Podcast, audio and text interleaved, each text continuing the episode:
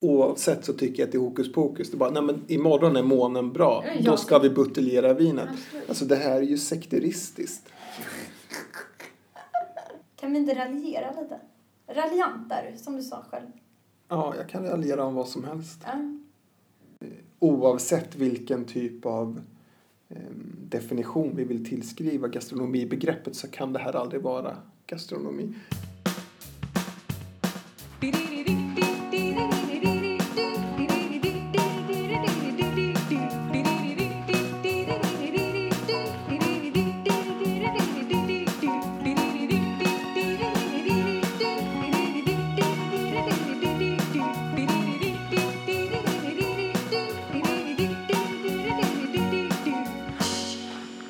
Måltidsarkitekterna. När vi diskuterar namnet på utbildningarna som vi är på restaurangskolan ehm, och, och vad, vi egentligen, vad vi egentligen utbildar för någonting här. Mm. Och det är så svårt att säga. En gastronom, vad är en gastronom för någonting? Eller vad gör en gastronom? Ehm, Det blir som väldigt abstrakt. Och då kom eh, vår kollega Björn på begreppet eh, måltidsarkitekt. Shout out, Björn Norén. shout out Björn Norén. Och, och det är väl ett härligt namn, fast jag har inte riktigt fått fäste kanske. Nej. Eh, och vad är en måltidsarkitekt då? Ja, men en arkitekt är någon som eh, på något sätt skapar och planerar i samhällsrummet och som bygger offentliga miljöer och hus och har någon slags eh, övergripande förståelse för det här. Utan att kanske vara den personen som själv är och bygger och eh, gräver och har sig. Och det tänker jag att vi är. Eh, Fast vi gör inte hus eller samhällsplanering utan vi gör måltider istället. Mm. Vi kan liksom alla delar som krävs för att bygga ett hus eller en måltidsupplevelse då kanske. Jag tänker det. För förhoppningen är det i alla fall. Mm. Men det är väl en bra liknelse? Jag tänker det. Och det är väl kanske de delarna då som vi kommer prata om här. Ja. Men ska vi säga också att vi, var vi kommer ifrån? Typ? Men jag menar, vi sitter ju faktiskt i, eh, på restauranghögskolan Mm. på Umeå universitet. Ja, Och där är väl då kopplingen till måltidsarkitekterna. Precis. Ja, verkligen. Och vi har båda gått utbildningarna. Ja, på olika sätt. Olika sätt. Mm. Och nu är du nörd och jag... Jag är också ganska nörd. Vill du berätta mer om vad du liksom... Eh, vad du gör? Ja, det kan jag göra. Jag forskar då Mm. eh, kring måltider och måltidsupplevelser i ett väldigt begränsat och smalt perspektiv. Eh, så jag tittar på hur, eh, hur man upplever värde i måltider när man är på resa i tjänsten. Måltiden är någonting som är väldigt personligt och unikt och väldigt förankrat i någon slags eh, kulturell och social förståelse för, för liksom, ja, men dels för det egna, den egna personen och den egna identiteten men också för samhället i stort. Och, eh, I vardagen så har vi ju all möjlighet att bestämma själva vad vi vill äta och när vi vill äta. Eh, och när vi reser så har vi också den här möjligheten och kanske är det andra logiker som, som, eh, som gäller. Att när vi är och turistar då kanske vi istället vill, vill uppleva en annan kultur genom dess mat och, och sådär. Och vi åsidosätter kanske de här egna, eh, man pratar om måltidsmönster. Men, men när vi eh, reser i tjänsten då kanske vi vill eh, göra det här vardagliga. Vi kanske vill äta frukost klockan sju, lunch klockan tolv och middag klockan sju. Och så kan vi inte det. Så att vi blir på något sätt tvingade. Istället för att vi gör det här för att upptäcka och förlusta oss i någon slags annan kultur så blir vi tvingade att bryta våra kulturella vanor. Eh, och det är, det är svårt.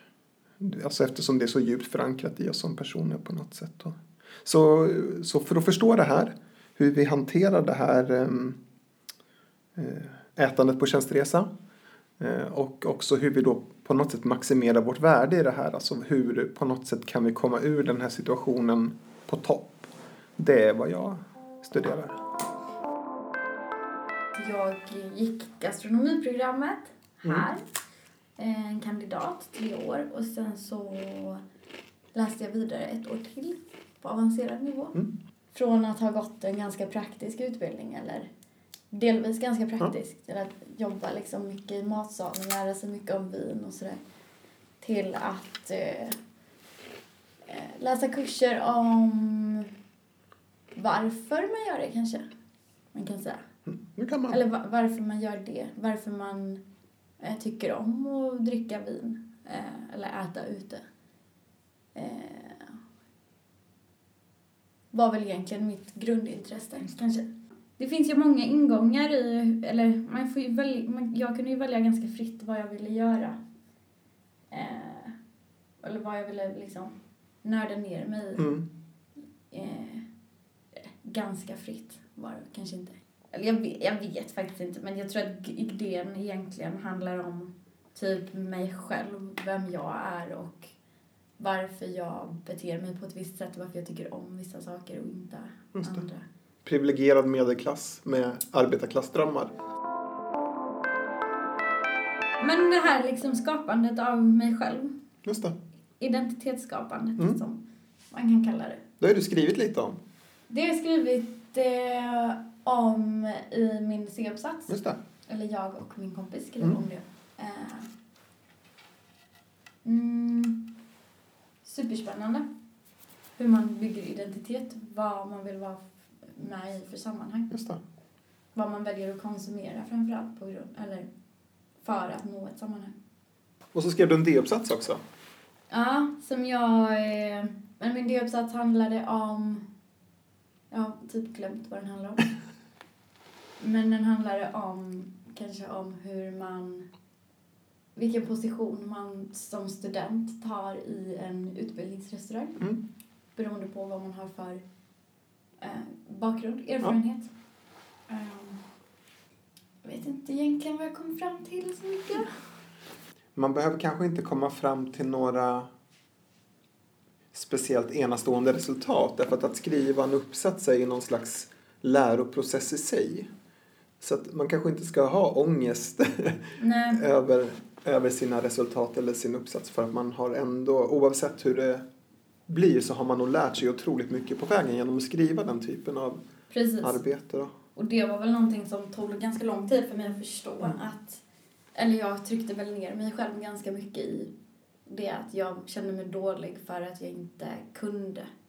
Men kom väl fram till på vägen att det inte handlar om att jag förväntas ha, vara färdigutbildad utan att det handlar, handlar om att jag lär mig på vägen Jo.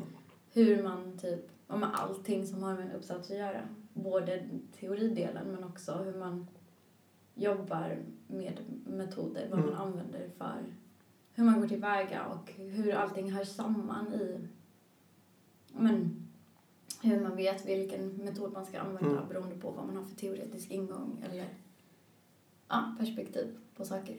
Och det jag fattar jag ju fortfarande inte helt. Nej. Det tänker jag att jag inte behöver göra heller. Lite mer kanske, förstår lite mer, Mm. men, men jag är absolut inte klar.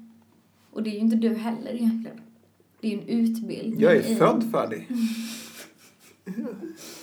Bara att du inte vågar, er, eller vill erkänna att du inte är färdigutbildad. Är Givetvis så ser jag mina forskarstudier som en utbildning också. Ja. Mm. ja, men man... Det är någonting som är ganska skönt att luta sig tillbaka emot Ja, eh, när man känner sig stressad. Och...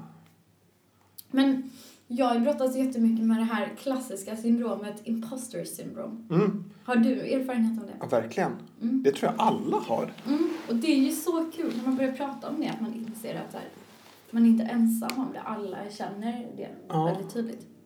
Och, och Jag, det, det brukar alltid vara min inställning, det här är ju nästan som en hemlighet, men när jag går in i en, i en undervisningssituation Mm. och känner mig osäker, då brukar jag tänka att det spelar ingen roll vad jag säger. För att jag är ändå någon form av auktoritetsperson i det här klassrummet. Så jag kan säga vad som helst och studenterna kommer tro mig ändå. Och nu, nu har jag då aldrig stått och ljugit framför studenterna men jag, jag misstänker att jag skulle kunna göra det och de ändå skulle köpa det jag säger på något sätt. Mm. När man går ut härifrån då måste man nog på något sätt vara benägen att skapa sin egen framtid. Mm. Och jag, det är nog skrämmande för många. Mm. Jag tror att vi förbereder studenterna ganska bra. Alltså om man kan ta det med sig som man får här Mm. så har man nog förutsättningarna för att göra någonting ehm, ja, stort, inte nödvändigtvis, men man skulle ändå kunna göra någonting som man kanske förhoppningsvis tycker om och vill göra. Mm. Ehm, Ja, alltså verkligen. Det är ju eh, så jävla många perspektiv som man får lära sig i, relaterat till ämnet. och det blir tydligt när vi tittar på vad alumner gör för någonting också, vart man befinner sig någonstans. Alltså, Det är ju en ganska stor... Alla befinner sig verkligen inte kvar i någon slags eh, restaurangbransch. Men, Min förhoppning med, med utbildningen eh, sådär, det är ju att den ska kunna leda till en förändring av rest- restaurangbranschen. Vi har en skitbransch och vi har ett skitfack. mm, Eh, och kan våra studenter på något sätt vara med och leda det här framåt och förändra både facket och branschen, då är ju det fantastiskt. mm, Ehm, branschen har ju präglats. Jag menar, det är ju inte... Det är ju ingen hemlighet. Det räcker ju med att titta på de här superkockarna på tv de beter sig så. mm, Och det är ju inte så att det inte är så i verkligheten. nej, Utan det är ju precis likadant. Och det skulle ju aldrig tolereras någon annanstans. nej. Om vi säger så här då. Ehm, om man generellt pratar om vin utan tillsatser. Mm. Eh, Hantverksmässigt framställda ja, men jag tänker att ett vin med tillsatser absolut kan vara hantverksmässigt framställt. Ja, vissa av dem. Eh, ja, man har väl svavlat sina tunnor i jag vet inte hur många hundra år. Absolut. Så, men om, om, vi, om vi pratar om det så har jag ju druckit eh, både riktiga bottennapp och riktigt bra viner. Alltså jag tycker att det finns en, en spännvidd där. Och det gör det ju bland vanligt konventionellt framställda viner också givetvis. Så att det är svårt att säga att jag skulle ogilla vin utan tillsatser bara för att de inte har tillsatser. Mm. Oftast är ju de, eller oftast ska jag inte heller säga, men många av de vinerna jag har provat eh, är ju just den här, de blir inte typiska på samma sätt. Så att om jag dricker en silvaner eh, en, från Alsace, då vet jag vad jag får. Ja, Men om jag köper en hantverksmässigt framställd silvaner då har jag ingen jävla aning om vad jag får. För jag har ingen aning om hur länge har det här varit masserat. nej okej. Jo, fast det kan du ju visst få reda på. Om du köper ett hantverksmässigt. Ja, och, ringer, och ringer och frågar. Nej, ofta vet man om det. Om jag läser franska men jag inte varken gör Det det, ena eller det andra. Men Ja men så är det. Alltså oavsett. Jag, vet, jag har Fast en jag annan... tycker att det handlar om druvfråga snarare än att du... För vissa druvor är ju mer typiska än andra att liksom känna den här familjära känslan. Jo, jo, men det finns ju, alltså när, om vi pratar det konventionella vinet så finns det ju ändå på något sätt riktlinjer och man försöker förhålla sig efter någon mall på något sätt. Och den mallen, den helt och hållet kanske man skiter i. Okej, ja. Så det, det är min upplevelse av det i alla fall. Och sen har jag druckit fantastiska eh, skalmassererade viner som man, man, man har ingen aning om vad det är man får. Nej. Så, det är väl en, det är ju en kul grej. Mm. Men det stora problemet är ju att jag vet inte om jag kommer kunna köpa det här vinet någonsin igen. Nej, okej. Ja, men den, den gillar jag också. Så, Det är ett rimligt. Eh, och, så är det ju ofta. Det är väl det som, för mig är det det som gör det ännu mer spännande att dricka det. Sen så känner man ju igen, alltså det finns ju hur många producenter som helst som i den här världen, naturvinsvärlden, som man, som man vill prova och som man vill dricka mer av och som man vet att man kommer kunna dricka inte. Sen kommer du ju inte kunna få dricka exakt eftersom de skiljer sig åt så mycket Mm. flaskvis. Så kanske du aldrig kommer få exakt samma upplevelse. Men det tror jag nog också är Och sen har jag min invändning det här mot hela den här, eh, hypen. nej, eh, mån kalender, Aha. hysterin. Rudolf Steiner. Ja, Men det är ju någonting helt annat. Det är ju ett biodynamiskt vin. Det är ju Och du, du tänker att de oftast inte går hand i hand? Ja, Alltså de, de är ju snarlika. Men det är ju, det är ju ett biodynamiskt vin har ju mycket mer avancerad liksom eh, avancerade eller fler perspektiv i sin skörd och odling och tro på vinet. Alltså Ja. man delar ju upp dem i två olika kategorier. Oavsett så tycker jag att det är hokus pokus. Det bara, nej men imorgon är månen bra. Ja, Då ska vi buteljera vinet. Absolut. Alltså det här är ju sekteristiskt. Ehm, ja, men lite. Men det är väl också det som är fint. Det är ju en tro, nästan en rörelse. Typ. Men det tänker jag att hela vinvärlden är. Att Nej, det finns olika så här, religiösa tankesätt. Ja, kanske. Det här är tråkigt att prata om. Ja, lite. Ja.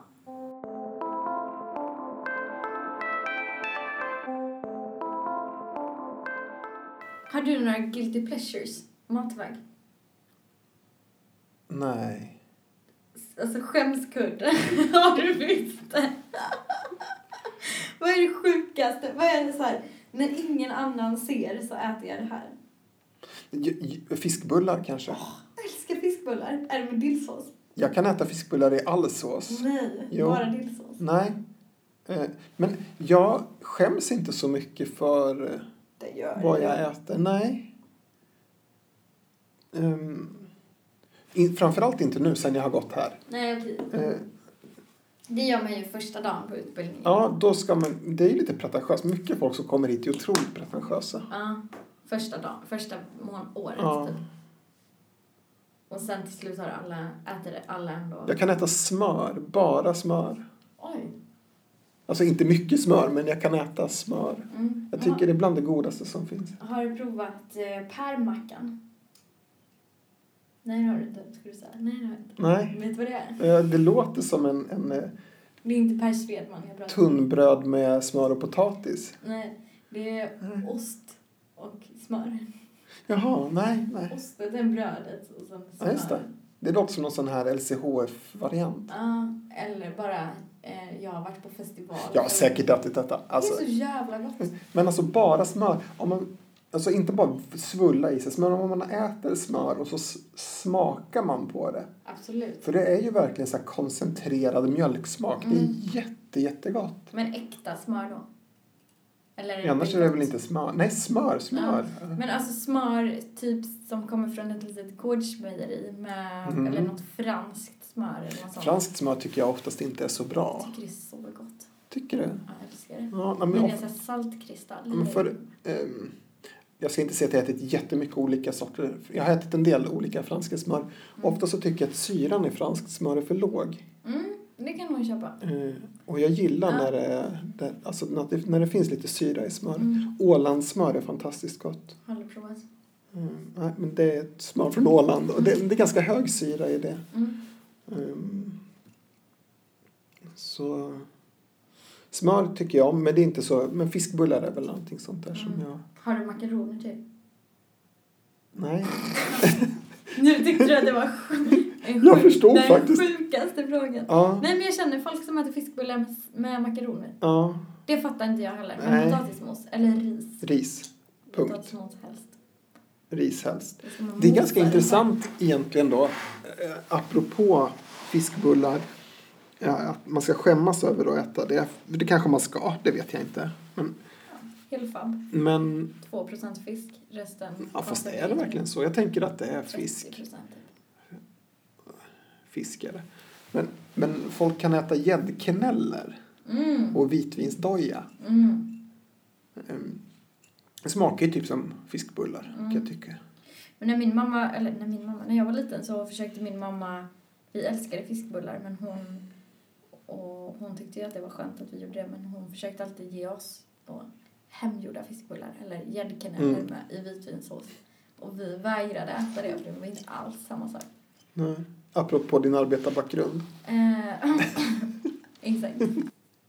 Men eh, jag tycker ju, har ju precis eh, börjat äta bearnaisesås på, alltså färdig bearnaisesås. Mm.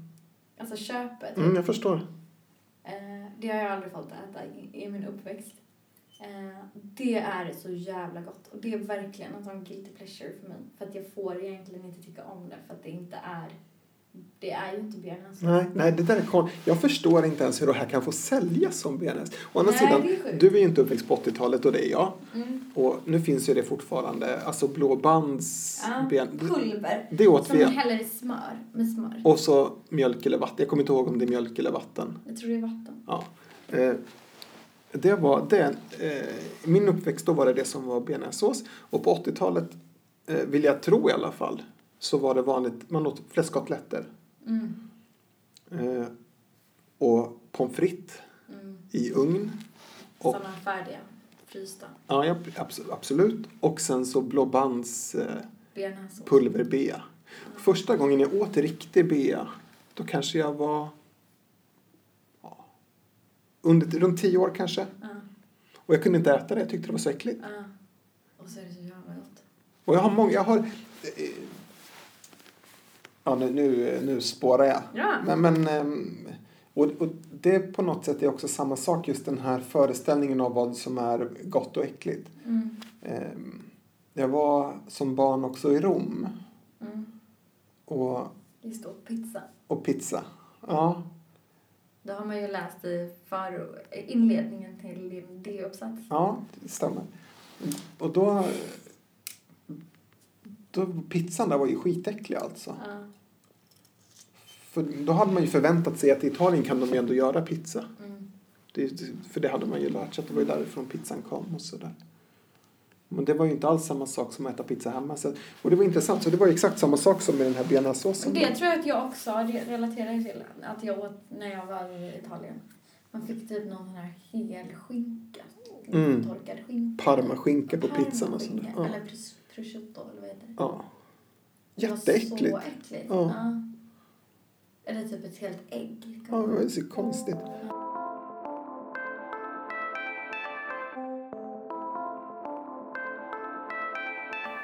Eh, Om jag skulle ta en bild ehm, på någonting och lägga upp den på sociala medier då gör ju jag det för att jag själv uppfattar detta som någonting bra. Mm. Jag skulle ju aldrig, om jag inte trollar förstås, vilket Mm. också kan förekomma, Mm. men, men om jag skulle vara seriös Mm. så, eh, så skulle jag ju bara lägga upp någonting som jag faktiskt själv på något sätt är stolt över. Mm. Eh, och jag tycker att det här är ganska intressant utifrån det perspektivet som du använde när du skrev din uppsats Mm. eh, med kulturellt kapital. Mm. Och jag, så att min, min första reaktion automatiskt är någon, någon slags motståndstagande, alltså någon slags aversion. Att jag tycker inte om det här, jag tycker att det här ser äckligt ut, jag blir nästan förbannad. Ja, Hur men kan- det, det blir lite dömande på, kanske tro- på personen som har lagt upp det snarare än på vad måltiden till Ja, jag, jag dömer nog direkt människan bakom. Ja. Det är, så tror jag. Mm. Eh, Men om man får analysera det här lite så är det ju nästan tragiskt istället. Mm. För att den som lägger upp den här bilden på eh, den vattniga potatismosen med köttbullen under sås har ju på något sätt ändå ansträngt sig, tänker jag. Alltså, man har i alla fall tagit sig tiden att ta ett kort och lägga upp det här. Det är någon slags ansträngning. Och det här bottnar ju på något sätt i någon total oförståelse för gastronomi. Mm. Eller ett perspektiv på gastronomi. Nej, det är inte... Nej. Ja, det här är, det är det inte. Oavsett vilken typ av eh, definition vi vill tillskriva gastronomibegreppet så kan det här aldrig vara gastronomi. Problemet är den här totala avsaknaden av på något sätt eh, estetiskt seende. Mm. Vi- eh, i utbildningen läser ju lite om det här med någon slags estetisk eh, form, gestaltning och presentation av måltider och Mm. måltidsrum och sådana här saker. Eh, Och, och vi får ju, men bara den här grejen att jag lägger tre korvskivor i ena änden av tallriken, så lägger jag två potatisar i andra änden av tallriken och så lägger jag Gurka i mitten. gurka eh, i mitten ovanför. Tre högar med tre komponenter. Alltså det ser ut som att ett barn ska äta. Mm. Och det här vet vi. Vi vet att barn de vill inte äta blandningar av saker tills de är en viss ålder. Mm. Men det är ju inte barn som lägger ut de här bilderna. Nej. Det här är ju människor på något sätt som faktiskt tror att det här är någonting som andra kommer uppskatta. Mm. Men det här tycker jag är jätteintressant kopplat till eh, b- alltså typ trendmässigt. Hur, Mm. hur trender förändras och hur man, hur man plejtar och hur man har plejtat och vad, vad som framtiden i Mm. liksom, läggen på tallriken är. Tror du att eh, uppfattningen eller upplevelsen av måltiden skulle kunna utvecklas till den grad att den här, det här kräkstallriken eh, är någonting som uppskattas Ja. till slut. Verkligen, det tror jag. Så just nu i den kontext du befinner dig i eh, med din, med ditt, i ditt habitus, Mm. med ditt habitus så upplever du det här som vedervärdigt. Mm. Man pratar om zeitgeist, tidsanda. Tidsandan styr väldigt mycket hur vi ser på saker och ting. Mm. Ehm, och som du säger, det, finns, det sker hela tiden förändringar i gastronomin, hur vi ska lägga upp saker. Nu ska det vara väldigt organiskt och det ska slängas och det ska... Mm. Men jag tycker nästan som- att ibland kan det gå åt det här kräkshållet. Mm, Nej. Snart. Jag tror att det är framtiden. Ja. Eller jag tror inte kräks är framtiden nu, men jag, jag tror att obryddheten är, eh, fast också jättebrydd, men att det ska se obrydd För det är det viktigaste, va? Att det är en obryddhet som ändå är, ligger väldigt, väldigt mycket betänkande bakom. Ja, nu är det ju så. Ja. Det är ju verkligen... Och ehm, jag har svårt att se. Jag, jag kan tänka mig att det kan bli så. Eh, men jag tänker att det tar väldigt lång tid. Det ska vara väldigt lång förändring för att kunna nå till där den här... Men är till och med om du köper köttbullar på Ikea så är det snyggare presenterat än, än vad vissa av de här bilderna är. Mm. Och det är inte så att de lägger ner så mycket tid på att lägga upp dina köttbullar på en Nej. tallrik där. Ehm, så, men, men å andra sidan, de som gör väldigt snygga presentationer och lägger ut på social media kan göra mig lika förbannad. Mm. Därför att då, Det finns ett poserande i bilden. ja, ja men 100 procent alltså. Mm. Då är det mer Ett sådär, försök, liksom. ja men det är ju ett identitetsskapande. Mm. Ehm, Identitetsskapandet gör dig provocerad. ja,